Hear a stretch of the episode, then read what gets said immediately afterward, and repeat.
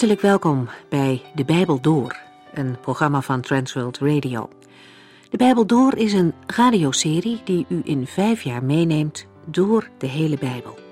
Van Genesis 1 tot Openbaring 22.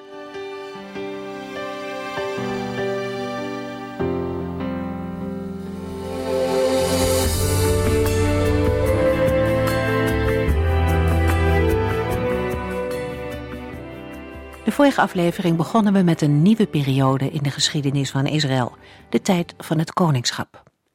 De aandacht in de komende hoofdstukken ligt meer op Saul dan op Samuel. In de beschrijving van Saul ligt de nadruk op zijn knappe uiterlijk. Hoe zijn karakter is, lijkt een punt dat naar de achtergrond geschoven wordt. Voorafgaand aan de zalving is Saul bezig de weggelopen ezelinnen van zijn vader te zoeken. Hij heeft er geen idee van wat er gaat gebeuren en samen met een knecht is hij al enkele dagen op zoek. Als hij naar huis wil gaan, haalt zijn knecht hem over om nog even langs Samuel te gaan. Misschien dat de man Gods raad weet. Het is bekend dat de woorden die Samuel zegt altijd waar zijn en uitkomen. En daaraan konden de mensen ook weten dat hij een profeet was. Saul aarzelt nog. Hij heeft geen passend geschenk bij zich en hij wil eigenlijk naar huis. Maar zijn knecht houdt vol. Hij heeft nog een klein beetje geld bij zich. En Saul stemt toe. De mannen gaan toch langs Samuel. Ze worden gastvrij ontvangen. En het lijkt zo'n gewone situatie. De ene man zegt, zullen we gaan? De ander wil eigenlijk naar huis. En uiteindelijk gaan ze toch. Maar de Bijbeltekst laat ons wat verder kijken. Het was geen toeval dat de mannen die dag bij Samuel kwamen. Het zoeken naar die ezels, en als gevolg daarvan het bezoek bij Samuel, paste precies in de plannen van God. Hij had Samuel de dag daarvoor al verteld dat er een man uit de stam van Benjamin zou komen. Dat was degene die Samuel moest zalven tot koning. Hij zou de man zijn door wie de Heere Israël zou bevrijden van de Filistijnse overmacht. Ook in die ogenschijnlijke, kleine en gewone situaties heeft de Heere de leiding. In het vervolg hebben we gezien dat Saul inderdaad gezalfd werd door Samuel en aan het volk werd voorgesteld als de nieuwe koning. En Saul gaat daarna eerst gewoon naar zijn huis terug. 1 Samuel 11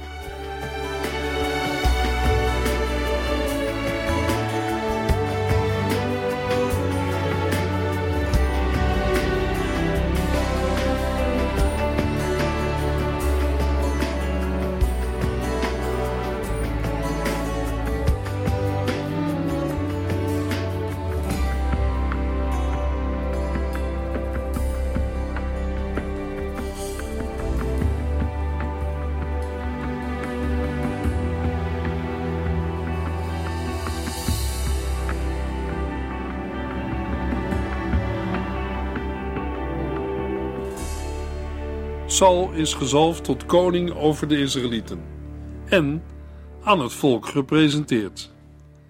Terwijl iedereen naar huis gaat, trekt een groep mannen met Saul mee en vormt het begin van een nieuw leger. In 1 Samuel 11 zien we hoe Saul zijn kwaliteit als leider toont in een militair treffen. De inleiding van 1 Samuel 11 is verschillend overgeleverd. Een in Qumran gevonden tekst geeft een uitvoeriger beschrijving tussen 1 Samuel 10 en 11. Er staat: Nagas, koning van de Ammonieten, onderdrukte de Gaddieten en Rubenieten ernstig. En hij stak ieder rechter oog uit, terwijl hij niet toestond dat iemand Israël redde. Er was niemand onder de Israëlieten aan de overzijde van de Jordaan, wiens rechteroog Nagas, koning van de Ammonieten, niet uitgestoken had. Zevenduizend mannen waren echter ontsnapt uit de macht van de Ammonieten en waren gekomen in Jabes in Gilead. Ook bij de Joodse geschiedschrijver Flavius Josephus vinden we een dergelijke vermelding. Waarschijnlijk heeft hij dezelfde tekst geraadpleegd. De winst van deze Qumran-tekst is dat het een heldere inleiding geeft op het hoofdstuk dat we nu gaan lezen. 1 Samuel 11, vers 1 tot en met 3. Rond die tijd trok de Ammoniet Nagas met zijn leger naar de Israëlitische stad Jabes in Gilead en sloot de stad in. De inwoners van Jabes vroegen echter om vrede. Als u ons met rust laat, zullen wij voortaan uw dienaars zijn, drongen zij aan. Goed, maar op één voorwaarde, antwoordde Nagas. Ik zal bij ieder van u het rechteroog uitsteken als een vernedering voor heel Israël. Geef ons zeven dagen de tijd om anderen te hulp te roepen, vroegen de leiders van Jabes.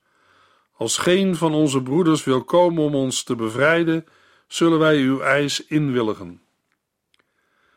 De vijand die verschijnt is Nagas, de koning van de Ammonieten, die de overjordaanse stad Jabes belegert. Deze mededeling laat zien dat Nagas ver moet zijn doorgedrongen in Israël, want Jabes ligt niet in de buurt van de hoofdstad van Ammon. De Ammonieten bezaten op dat moment blijkbaar veel macht in de regio. De inwoners van Jabes vertellen Nagas dat ze hem zullen dienen wanneer hij een verdrag met hen sluit. Maar zijn voorwaarden zijn vreed. Jabes in Gilead heeft hulp en bevrijding nodig. 1 Samuel 11 vers 4 tot en met 7 Toen de boodschappers in Sauls woonplaats Gibea aankwamen en daar het slechte nieuws vertelden, barstte de hele bevolking in tranen uit en begon luid te jammeren. Saul was op het land aan het ploegen en toen hij bij zijn terugkeer in de stad iedereen in tranen zag, vroeg hij: Wat is er aan de hand? Men vertelde hem het nieuws over Jabes. Onmiddellijk kwam de geest van God met kracht over Saul en hij werd woedend. Hij nam twee runderen, sneed hen in stukken en stuurde boodschappers met die stukken door heel Israël. Dit zal gebeuren met de runderen van iedereen die weigert Saul en Samuel in de strijd te volgen, liet hij bekendmaken. Iedereen werd vervuld met ontzag voor de Heere en men kwam als één man naar Saul toe. De boodschappers uit Jabes in Gilead komen aan in Gibea. Het is niet verwonderlijk dat de mannen van Jabes naar de woonplaats van Saul gaan, want hij is immers de onlangs aangestelde koning en als zodanig degene aan wie men hulp vraagt. Een bijkomende reden is dat er een oude band bestaat tussen de inwoners van Jabes en die van Gibea. In het verleden zijn namelijk 400 maagden uit Jabes uitgehuwelijkt aan de Benjaminieten. Rechters 21. Deze familierelatie kan een belangrijke reden zijn waarom de inwoners van Gibea in tranen uitbarsten. Ondertussen stopt Saul met zijn werk. Hij gaat in de richting van de stad en vraagt wat de reden is van het huilen. Als het hem is uitgelegd, komt de geest van de Heer over hem. Hij gaat de Israëlieten mobiliseren. Hier verhakt hij een span runderen in stukken en laat boodschappers met de brokken vlees door alle streken van Israël gaan. De boodschappers waarschuwen: wanneer iemand niet optrekt, worden zijn runderen ook in stukken gehakt. De eenstemmigheid van de Israëlieten blijkt uit de mededeling dat ze als één man naar Saul toekomen en uittrekken. De troepen verzamelen zich in Bezek en daar worden ze door koning Saul geïnspecteerd. De afstand tussen Bezek en Jabes is ongeveer 27 kilometer. Het leger van Israël is nog maar één dagreis van de bestemming verwijderd. Boodschappers delen de inwoners van Jabes mee dat er de volgende dag verlossing komt. 1 Samuel 11, vers 9 en 10. Daarop stuurde hij de boodschappers terug naar Jabes met het bericht: Morgen, op het heetst van de dag, zult u worden bevrijd. Er ging een golf van vreugde door de belegerde stad toen dat nieuws bekend werd. Tegen Nagas zeiden de mannen van Jabes: Wij geven ons over. Morgen komen we naar buiten en dan kunt u met ons doen wat u wilt.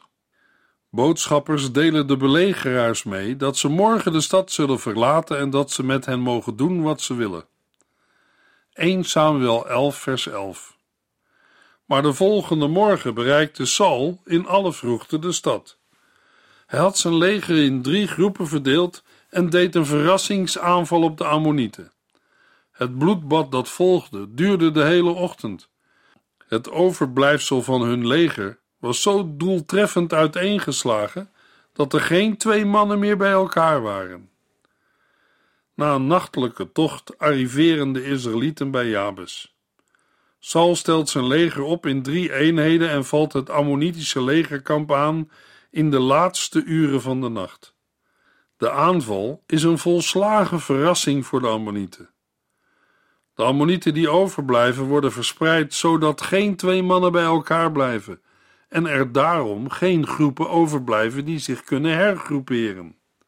Na de slag tegen de Ammonieten richt het volk zich tot de groep Israëlieten die eerder het gezag van Saul niet wilde erkennen. 1 Samuel 11 vers 12 Toen riepen de mensen tegen Samuel: Waar zijn die mensen die zeiden dat Saul niet onze koning moest worden? Breng ze hier, dan zullen wij ze doden. Een aantal Israëlieten was het er niet mee eens dat Saul hun koning zou zijn.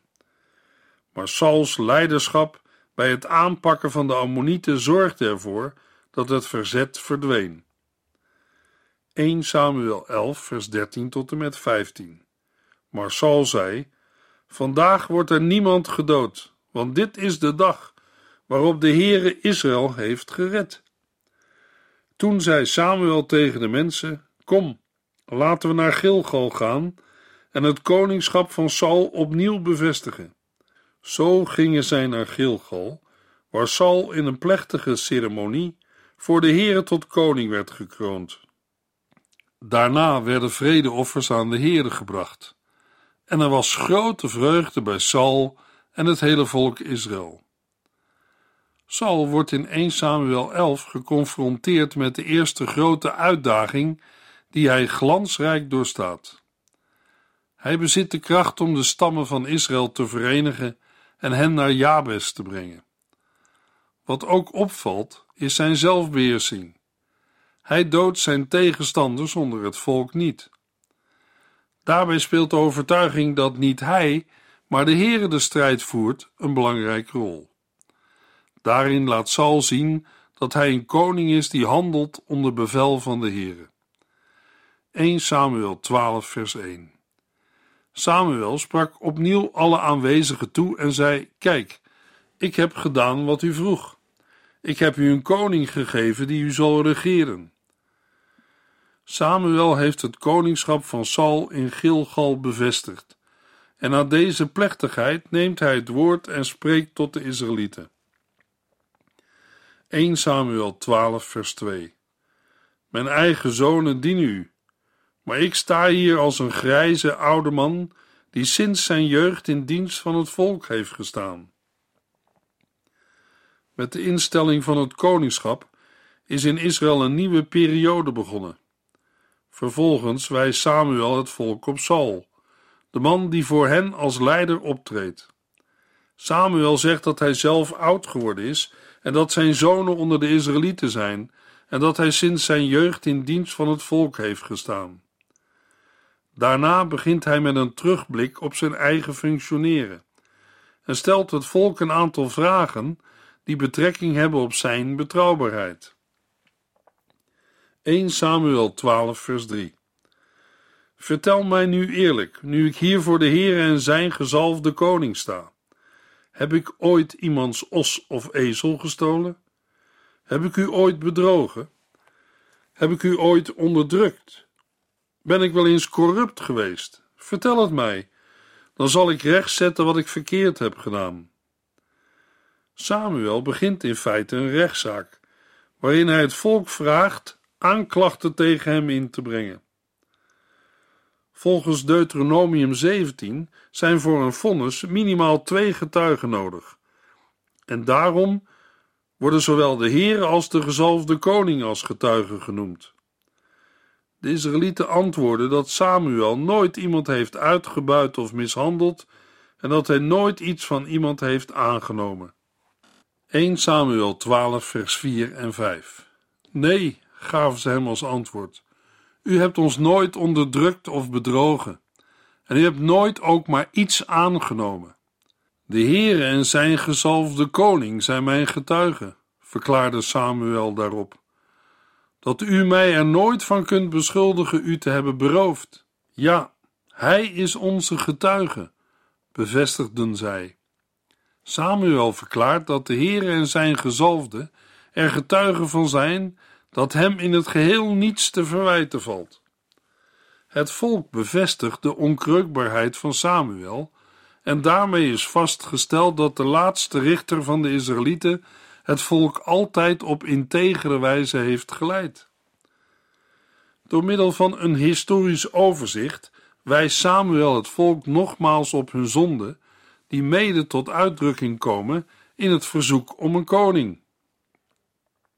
1 Samuel 12, vers 6 tot en met 12. De Heere wees Mozes en Aaron aan, vervolgde Samuel. Hij leidde onze voorouders uit het land Egypte. Blijf nu eerbiedig staan voor de Heere, terwijl ik u herinner aan al de goede dingen die hij voor u en uw voorouders heeft gedaan. Lang nadat Jacob naar Egypte was gegaan, riepen de Israëlieten, die in Egypte woonden, naar de Heere. Hij stuurde Mozes en Aaron om uw voorouders naar dit land te brengen. Maar zij vergaten de Heere hun God al snel. Daarom liet hij hen verliezen van Sisera, de bevelhebber van het leger van de stad Hazor, van de Filistijnen en van de koning van Moab. Toen riepen zij weer naar de Heere en gaven toe dat zij hadden gezondigd door zich van hem af te keren en Baal en Astarte te aanbidden.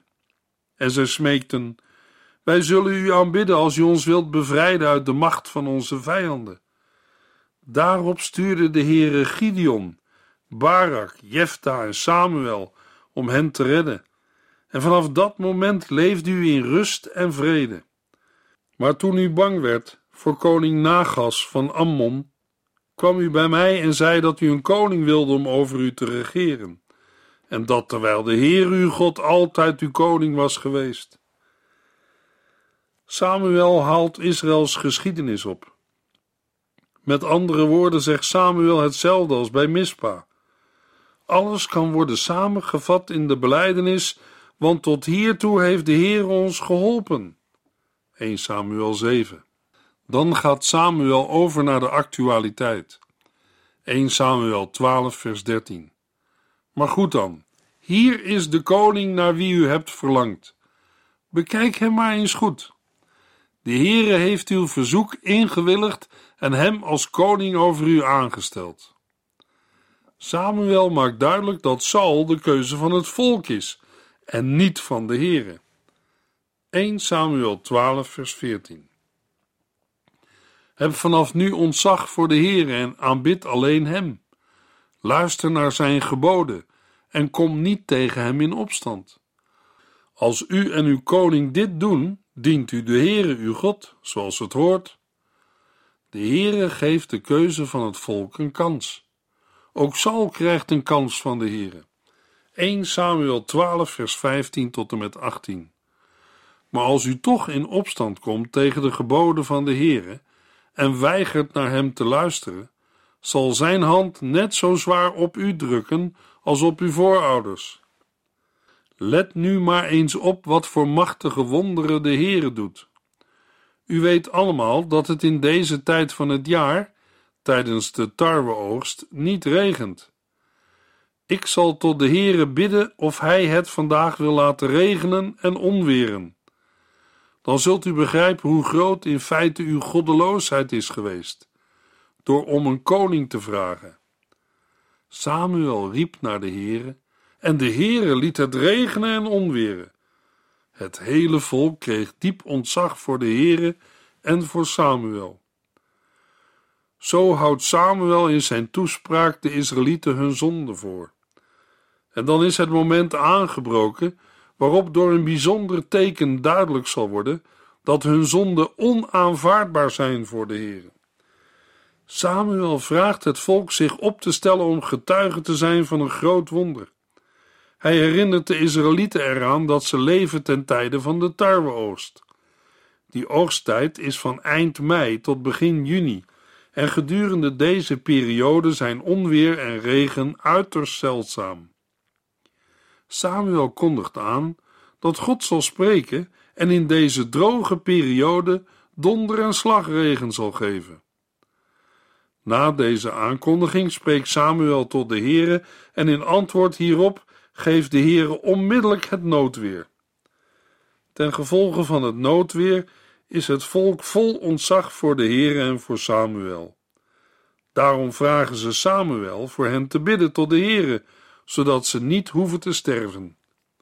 1 Samuel 12 vers 19 Bid toch tot de Heere uw God voor ons, uw knechten, anders zullen wij sterven, riepen zij Samuel toe. Nu hebben wij naast al onze andere zonden opnieuw gezondigd, door ook nog om een koning te vragen. Bij de Israëlieten is door het noodweer zonder besef ontstaan. Ze spreken uit dat ze al zoveel verkeerd hebben gedaan en dat ze het nog erger hebben gemaakt door om een koning te vragen. Na hun spijtbetuiging erkent Samuel dat het volk heeft gezondigd. 1 Samuel 12, vers 20. Wees niet bang, antwoordde Samuel. U hebt inderdaad gezondigd. Maar zorg er in het vervolg voor dat u de Heere met heel uw hart dient en dat u hem op geen enkele manier links laat liggen. Luisteraar, hier leren wij een belangrijke les. Laat de zonden en verkeerde stappen uit het verleden niet uw leven verknoeien, ongeacht wie u bent of wat u hebt gedaan. Als u zich tot de Heere keert en hem vraagt om u te redden en te vergeven, zal hij naar zijn belofte u aannemen en rijkelijk zegenen. De evangelist van het Oude Testament, Jezaja, zegt in Jezaja 55 vers 6 en 7: Zoek naar de Heere, zolang hij zich nog laat vinden. Roep tot hem, nu hij dichtbij is. Laten de overtreders hun slechte wegen verlaten en elk plan tot zondige uit hun gedachten bannen. Laten zij naar de Heer onze God terugkeren. Dan zal Hij zich over hen ontfermen. veel. Zo is de Heer. Samuel zegt tegen Israël, maar ook tegen ons: Afgoden kunnen u niet helpen, omdat ze niets voorstellen. 1 Samuel 12, vers 21. Een mens mag zich vastklampen aan de Heer en zijn woord. Het woord van de Heere moet ook vandaag worden verkondigd. 1 Samuel 12, vers 22. De Heere zal zijn uitverkoren volk niet in de steek laten, want dan zou hij zijn grote naam tekort doen. Hij maakt u immers tot zijn eigen volk, omdat hij dat zo wilde. Ook in het Nieuwe Testament zegt de Heere dat hij zijn kinderen nooit in de steek zal laten. Hebreeën 13, vers 5. Laat u niet door het geld in beslag nemen. Wees tevreden met wat u hebt, want God heeft gezegd: Ik zal altijd voor u zorgen, ik zal u nooit in de steek laten. Als een nietig mens bij de Heerde mag horen, dan heeft God geen grond in u, jou en mij gezocht, ook niet in zijn volk Israël. Het heeft hem behaagd Israël tot zijn volk te maken. Waarom? Omdat de Heere redenen in zichzelf heeft gevonden. Hij wilde het zo. Maar daarmee is de rest van de wereld niet verworpen. Israël moest een volk van priesters zijn tot eer van God en tot heil van de hele wereld. In Abraham worden alle volken en natieën van de aarde gezegend. Israël moest de grote daden van de God van Israël verkondigen en alle volken moesten opgaan naar Jeruzalem om de Heere te aanbidden. Israël heeft gefaald, maar is daardoor niet verworpen. De Heere heeft zijn gemeente, bestaande uit Joden en niet-Joden, nu samen dezelfde opdracht gegeven. U bent door God uitgekozen om koninklijke priesters te zijn, mensen die voor God zijn afgezonderd, om overal te vertellen hoe goed en groot Hij is die u geroepen heeft om vanuit de duisternis naar zijn heerlijke licht te komen. Vroeger hoorde u bij een volk dat niet bij hem hoorde. Nu bent u zelf het volk van God. Vroeger wist u niet hoe goed en vriendelijk God is. Nu hebt u zijn goedheid zelf ervaren. 1 Petrus 2, vers 9 en 10. Laten we de Heer ervoor danken. 1 Samuel 12, vers 23. En wat mij betreft, ik zou niet willen zondigen tegen de Heere door niet meer voor u te bidden. Ik zal ook gewoon doorgaan met u te leren over de dingen die rechtvaardig en goed zijn. Het is groots, machtig en rijk als u de gave van gebed hebt. Soms hoor ik christenen wel eens verzuchten: ik kan niet veel doen, alleen maar bidden. In het licht van de woorden van Samuel doen we de Heere verdriet als we zoiets zeggen. Als u naar de mens gesproken weinig kunt, maar u kunt bidden, dan bent u een gezegend mens. De verkondigers van het evangelie, uw eigen predikant of voorganger, heeft uw gebeden nodig. Ik heb een vrouw die iedere dag voor mij bidt. Ik zou haar gebeden niet kunnen missen. Het is een voorrecht om voor anderen te bidden. Iedere gelovige heeft een verantwoordelijkheid in gebed. Als u niet voor uw kinderen bidt, voor uw broer of zus en andere familieleden, wie doet het dan? Samuel zegt: Ik zou niet willen zondigen tegen de Heere door niet meer voor u te bidden. 1 Samuel 12, vers 24 en 25. Heb alleen ontzag voor de Heere en dien hem trouw. Denk aan al die geweldige dingen die hij voor u heeft gedaan. Maar als u toch blijft doorgaan met zondigen, zullen u en uw koning worden vernietigd. De Heere zal zijn volk niet verlaten, omdat hij zijn naam aan hen heeft verbonden. Samuel sluit af met de mededeling dat als de Israëlieten samen met hun koning moedwillig blijven zondigen, zij zullen worden weggevaagd. En weet u, luisteraar, dat geldt vandaag nog steeds. In de volgende uitzending lezen we 1 Samuel 13 en 14.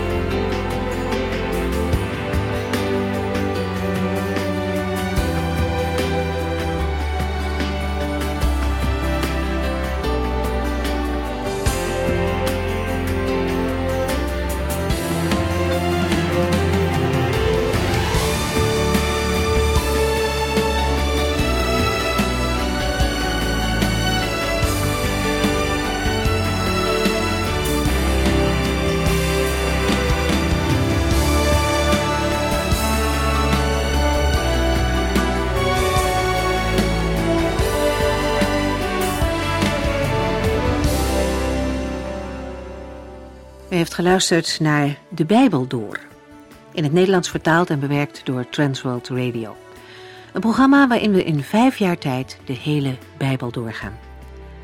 Als u wilt reageren op deze uitzending of u heeft vragen, dan kunt u contact met ons opnemen.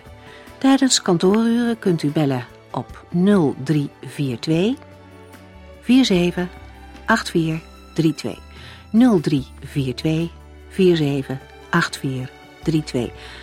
Ook kunt u een e-mail sturen naar de Bijbel door transworldradio.nl en natuurlijk kunt u ook via de post ons bereiken. TWR, postbus 371, postcode 3770, AJ in Barneveld. Dit programma werd gepresenteerd door Cor Weda en Ike André. Techniek was in handen van Odin van Woerdekom. En wij allemaal bedanken u voor het luisteren. Graag tot de volgende keer.